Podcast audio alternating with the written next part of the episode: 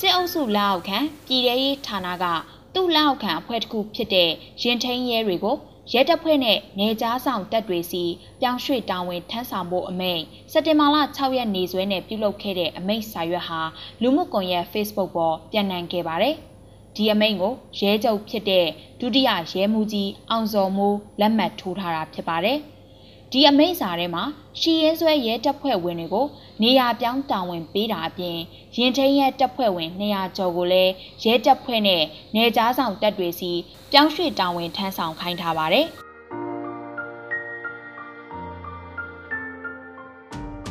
မြန်မာနိုင်ငံရဲတပ်ဖွဲ့ကိုအဖွဲ့ကြီး6ခုနဲ့ဖွဲ့စည်းထားတာဖြစ်ပါတယ်။မြန်မာနိုင်ငံရဲတပ်ဖွဲ့ဌာနချုပ်လုံခြုံရေးရဲကုကဲမှုအဖွဲ့၊နေကြားဆောင်ရဲကုကဲမှုအဖွဲ့တပ်ဖွဲ့များ တိုင်းဒေသကြီးပြည်နယ်ရဲတပ်ဖွဲ့များရဲလေးကျင့်ရေးကျောင်းများတို့ဖြစ်ပါတယ်။တပ်ဖွဲ့များဆိုတဲ့ခေါင်းစဉ်အောက်မှာနောက်ထပ်တပ်ဖွဲ့14ဖွဲ့တီးခြားစီထပ်ဖွဲ့ထားပြီးရဲမှုချုပ်ရဲမှုကြီးအဆင့်အရာရှိတွေကကြီးကြပ်ကိုကဲရတာဖြစ်ပါတယ်။ဒီတပ်ဖွဲ့14ဖွဲ့ကတော့မှုကင်းရဲတပ်ဖွဲ့၊တရင်ရဲတပ်ဖွဲ့၊လူကုန်ကူးမှုတားဆီးနှိမ်နင်းရေးရဲတပ်ဖွဲ့ငွေကြေးဆိုင်ရာမှုကင်းတားဆီးနှိမ်နင်းရေးရဲတပ်ဖွဲ့မူရစ်စေဝါတားဆီးနှိမ်နင်းရေးရဲတပ်ဖွဲ့ ယထာရဲတပ်ဖွဲ့ရေချောင်းရဲတပ်ဖွဲ့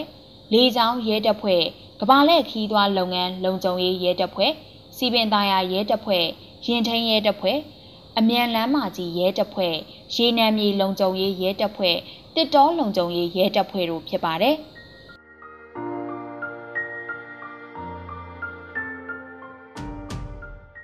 မြန်မာနိုင်ငံရဲတပ်ဖွဲ့ရဲ့လုပ်ငန်းတာဝန်က6ရက်ရှိပါတယ်။ပြစ်မှုမဖြစ်ပွားအောင် ကြိုတင်ကာကွယ်တာဖြစ်ပွားတဲ့ပြစ်မှုတွေကိုစုံစမ်းစစ်ဆေးဖော်ထုတ်တရားစွဲတာနိုင်ငံတော်အတွင်းစီကံတေဝတ်တည်ငြိမ်ရေးပြည်သူလူထုလုံခြုံရေးမူရစေဝါနဲ့စိတ်ကိုပြောင်းလဲစေတတ်တဲ့စေဝါများအနေနဲ့တားဆီးနှိမ်နင်းရေးနဲ့ပြည်သူအကျိုးပြုလုပ်ငန်းတွေဆောင်ရွက်ရေးတို့ဖြစ်ပါတယ်။ဒီသတ်မှတ်ထားတဲ့တာဝန်တွေဟာမြန်မာနိုင်ငံရဲတပ်ဖွဲ့ကြီးတစ်ခုလုံးအတွက်သတ်မှတ်ထားတာဖြစ်ပြီးရဲတပ်ဖွဲ့လက်အောက်ခံတပ်ဖွဲ့တွေမှာလည်းတီးခြားလုပ်ငန်းတွေသတ်မှတ်ထားပြီးဖြစ်ပါတယ်။ မြန်မာနိုင်ငံရဲတပ်ဖွဲ့လက်အောက်ခံရင်ထိန်ရဲတပ်ဖွဲ့အတွက်လုပ်ငန်းတာဝန်6ရက်သတ်မှတ်ထားပါတယ်။ရင်တိုင်းမှုမဖြစ်ရေးနဲ့ရင်ကြောပိတ်ဆို့မှုမရှိစေဖို့ထိမ့်သိမ်းကြက်မှတ်ရေးဖြစ်ပွားတဲ့ရင်တိုင်းမှုတွေကိုစုံစမ်းဖော်ထုတ်တရားစွဲတင်ပို့ရေးရင်စည်းကမ်းလမ်းစည်းကမ်းတွေကို ရှင်းလင်းထိမ့်သိမ်းရေးရင်မောင်းနဲ့လမ်းအုံပြုသူပြည်သူလူထုနဲ့ចောင်းသားចောင်းသူတွေကိုရင်အန္တရာယ်လမ်းအန္တရာယ်ကင်းရှင်းရေးအသိပညာပေးရေး ပြည်သူကိုကာကွယ်စောင့်ရှောက်ခြင်းနဲ့အကူအညီပေးရေးလုပ်ငန်းတာဝန်နဲ့ကြေပုံစာဆောင်ရွက်ခြင်းဖြင့်ရဲတပ်ဖွဲ့ဂုံတိတ်ခါမြင့်တင်ရေးတို့ပဲဖြစ်ပါတယ်။အချုပ်ပြောရရင်ရင်လန်းရှင်းလင်းခြင်းနဲ့ရင်စည်းကမ်းထိန်းသိမ်းရေးပဲဖြစ်ပါတယ်။မြန်မာနိုင်ငံမှာ2015ခုနှစ်နိုဝင်ဘာလ10ရက်ပြည်ထောင်စုအစိုးရအဖွဲ့အစည်းအဝေးမှတ်18မြင်းဆောင်2015အရ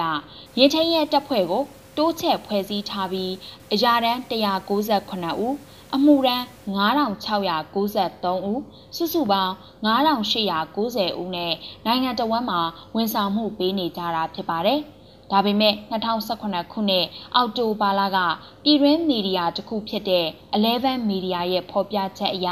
မြန်မာနိုင်ငံတဝန်းလုံးမှာရင်ထိန်ရဲ2400ခန့်နဲ့ရင်ထိန်ရဲမေ900ခန့် စုစုပေါင်း2900ခန်းသာရှိတယ်လို့ရင်ထိန်ရဲတပ်ဖွဲ့အစင်းမြင့်အရာရှိတအူးကိုကိုးကားပြီးဖော်ပြထားပူပါတယ်။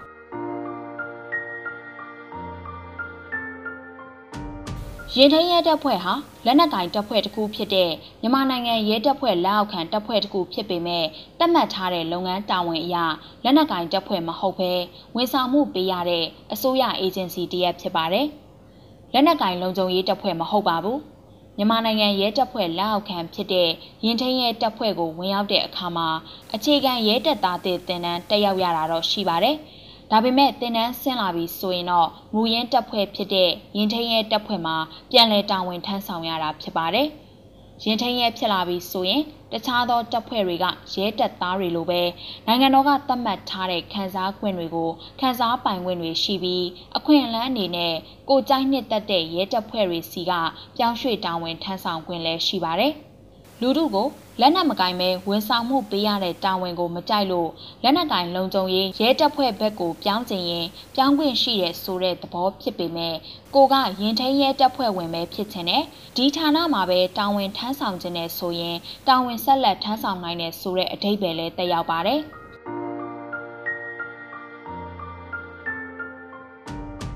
ရင်တရဲတပ်ဖွဲ့ဝင်တွေကိုဒုတိယရဲမှူးကြီးအောင်စော်မိုးလက်မှတ်ထိုးပြီးအရွှေပြောင်းလုပ်ခိုင်းခဲ့တဲ့မြန်မာနိုင်ငံရဲတပ်ဖွဲ့နဲ့နေကြားဆောင်ရဲတပ်ဖွဲ့တွေမှာလည်းမတူညီတဲ့တီးခြားလုပ်ငန်းတာဝန်တွေသတ်မှတ်ထားပါတယ်။နေကြားဆောင်ရဲတွေဟာလုံခြုံရေးတရားဥပဒေစိုးမိုးရေးလုပ်ငန်းတွေအတွက်သတင်းထောက်လန်းတာစောင့်ကြည့်တာတွေကိုနယ်မြေခံတပ်တွေနဲ့ပူးပေါင်းဆောင်ရွက်ရပါတယ်။ လူဝင်မှုကြီးကြပ်ရေးဆိုတဲ့လဝကလုပ်ငန်းတာဝန်အဖြစ်တရားမဝင်နေဆက်ဖြတ်ကျော်မှုကိုတားဆီးနှိမ်နေတာအကောက်ခွန်နဲ့ကုန်သွယ်ရေးလုပ်ငန်းတာဝန်အဖြစ်တရားမဝင်ကုန်သွယ်မှုတွေကိုတားဆီးနှိမ်နင်းပြီးဖော်ထုတ်ဖမ်းဆီးမှုလုပ်တာ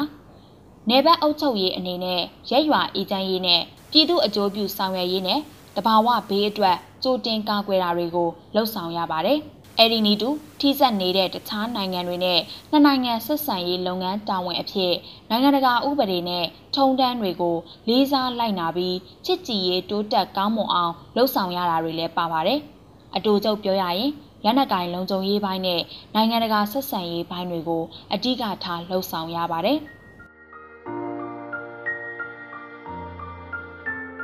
ရှေ့မှာပြောခဲ့သလိုရင်ထရဲတပ်ဖွဲ့ဆိုတာဝန်ဆောင်မှုပေးတဲ့တပ်ဖွဲ့အမျိုးအစားဖြစ်ပြီးအဓိကအားဖြင့်ရင်စည်းကမ်းနဲ့ပတ်သက်တဲ့လုပ်ငန်းနယ်ပယ်မှာပဲကျင်လည်ခဲ့ရသူတွေဖြစ်ပါတယ်။အခြေခံရဲတပ်သားတွေတင်နန်းဆင်းထားပေမဲ့လက်နက်ကင်တပ်ဖွဲ့ဝင်တွေမဟုတ်ပါဘူး။ဝီစီကိုင်းပြီးဝန်ဆောင်မှုပေးနိုင်တဲ့နယ်ပယ်မဟုတ်တော့ဘဲအချိန်မရွေးတနက်တန်ပြောက်တန်ကြားမှာအသက်ဆွန့်ရနိုင်တဲ့နယ်ပယ်ဖြစ်ပါတယ်။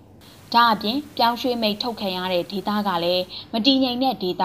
စစ်အုပ်ချုပ်ရေးကြီးညာခံထားရတဲ့ဒေသဖြစ်ပါတယ်။အသက်အန္တရာယ်နဲ့နီးတဲ့နေရာကိုပို့ခံရတာလို့တဲ့တဲ့ဆိုရမှာဖြစ်ပါတယ်။မြန်မာနိုင်ငံရဲတပ်ဖွဲ့ဟာပြည်ထရေးဝင်ကြီးဌာနလက်အောက်မှာရှိရဲဆိုပေမဲ့တကယ်တကယ်တော့စစ်တပ်ရဲ့အုပ်ချုပ်မှုအောက်မှာရှိတဲ့လက်နက်ကင်တပ်ဖွဲ့တစ်ခုဖြစ်တာကြောင့်ထက်အောက်အမိန်ပေးစနစ်သွားတဲ့ပုံစံဖြစ်အောင်တိစောက်ထားတာဖြစ်ပါတယ်။ ဒါပေမဲ့မြန်မာနိုင်ငံရဲတပ်ဖွဲ့လက်အောက်မှာရှိတဲ့တပ်ဖွဲ့ဖွဲ့စည်းပုံစနစ်အရလက်နက်ကင်လုံခြုံရေးဘက်ကိုတာဝန်ယူရတဲ့အဖွဲ့အစည်းရှိသလိုပြည်သူဝန်ဆောင်မှုကိုတာဝန်ယူရတဲ့အဖွဲ့အစည်းတွေကလုပ်ငန်းတာဝန်အရခွဲခြားသတ်မှတ်ပြီးဖွဲ့စည်းထားတာဖြစ်ပါတယ်။ရင်ထင်းရဲတပ်ဖွဲ့ဝင်အဖြစ်ဝင်ရောက်အမှုထမ်းကလေးကကိုကဘဲတပ်ဖွဲ့မှာအမှုထမ်းကျင်တဲ့ဆိုတာကို အထင်ရှားကြေညာပြီးအမှုထမ်းကြတာဖြစ်ပါတယ်။ ဝင်ကြီးဌာနရဲ့သတ်မှတ်ချက်အရအခြေခံရဲတပ်သားတစ်တင်နန်းတက်ရောက်ရတဲ့ဆိုပေမဲ့လက်နက်ကင်လုံခြုံရေးတပ်ဖွဲ့ဝင်တွေမဟုတ်ပါဘူး။ဝန်ဆောင်မှုပေးရတဲ့တပ်ဖွဲ့ဝင်တွေဖြစ်ပါတယ်။ဒီလိုရွေးချယ်ခဲ့မှုကိုလည်းအထက်အဆင့်အရာရှိတွေကလေးစားတံမိုးထားဖို့လိုအပ်ပါတယ်။ ဝန်ဆောင်မှုနယ်ပယ်ကိုရွေးချယ်ထားတဲ့ရင်ထိန်ရဲတပ်ဖွဲ့ဝင်တွေကိုရဲချုပ်ဖြစ်တဲ့ဒူရဲမှုကြီးအောင်စော်မိုးကတစ်ချက်လွတ်အမိန့်နဲ့လက်နက်ကင်လုံခြုံရေးနယ်ပယ်ဘက်ပြောင်းရွှေ့တာဝန်ထမ်းဆောင်ခိုင်းတာဟာဌာနတွင်းလုပ်ငန်းစဉ်တွေအရလုပ်ပိုင်ခွင့်ရှိကောင်းရှိနိုင်ပေမဲ့ငကိုမူလသူတို့ရဲ့ရွေးချယ်ခဲ့မှုကိုအလေးထားရမှာဖြစ်ပါတယ်။ ရွှေပြောင်းခံရသူတွေရဲ့စိတ်ဆန္ဒအရ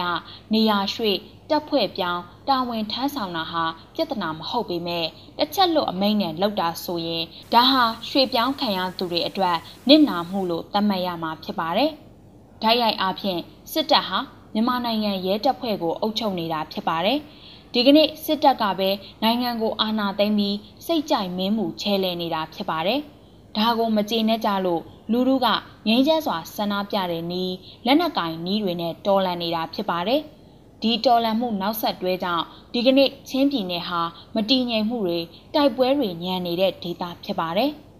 ဒီလိုနေရာကိုလက်နက်နဲ့မရင်းနှီးတဲ့ဝန်ဆောင်မှုဘိုင်းကိုသာကျွမ်းကျင်တဲ့ရင်ထိန်ရဲတွေကိုဌာနခေါင်းစဉ်ပြောင်းရွှေပြောင်းတာဝန်ထမ်းဆောင်ခိုင်းနေတာဟာစစ်အုပ်စုကိုတော်လှန်နေတဲ့လူလူကိုတံပြန်ဖို့တတ်တတ်တာဖြစ်တယ်ဆိုတာအထူးပြောနေစရာမလိုတော့ပါဘူး။လူလူနဲ့အနီးဆက်ဆုံးနေပြီးဝီစီကိုင်ဝန်ဆောင်မှုပေးနေသူတွေကိုလက်နက်ကင်စစ်တိုက်ခိုင်းမှုပြင်နေတာဖြစ်ပါတယ်။ဒါဟာနောက်ဆုံးပြောရရင်စစ်အုပ်စုအာဏာတည်မြဲရေးတာဖြစ်ပါတယ်။ စစ်အုပ်စုဟာနိုင်ငံနဲ့နိုင်ငံသားတွေကိုလေးစားတန်မိုးမထားလို့အာဏာသိမ်းထားသလိုလူထုကိုဝန်ဆောင်မှုပေးဖို့တိဆောက်ဖွဲ့စည်းထားတဲ့ရင်ထိန်ရဲတပ်ဖွဲ့ဝင်တွေကိုတာဝန်ဆိုတဲ့မတရားတဲ့အမိန့်တွေနဲ့လက်နက်ကင်ခိုင်းပြီးသူတို့အကျိုးစီးပွားကိုကာကွယ်ခိုင်းပြီးဖြစ်ပါတယ်။ရင်ထိန်ရဲတပ်ဖွဲ့ဝင်တွေရဲ့မူလရွေးချယ်ခဲ့မှုကိုတန်မိုးမထားဘဲအာဏာအတွက်ချနှင်းနေပြီဖြစ်ပါတယ်။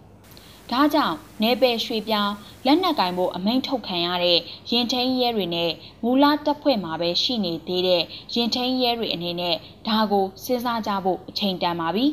စစ်အာဏာရှင်ရန်ရာကြီးကို နိုင်ငံနဲ့လူထုကိုတွေမကစစ်အုပ်စုလက်အောက်ခံပေမဲ့လူထုအတွက်ဝန်ဆောင်မှုပေးနေတဲ့ရင်ထိန်ရဲတပ်ဖွဲ့ကြီးကိုပါကြိတ်ချေနေပြီဆိုတာရှင်းရှင်းလင်းလင်းကွက်ကွက်ကွင်းကွင်းမြင်နိုင်ကြပါစေလို့စစ်အုပ်စုလိုဘက်ဖြည့်ဖို့ဝီစီကိုင်လက်တွေဟာတနက်ကင်နဲ့လက်တွေအဖြစ်ပြောင်းလဲဖို့တင့်တော်ရဲ့လားဆိုတာဆုံးဖြတ်စဉ်းစားချိန်တန်ပြီဖြစ်ပါတယ်။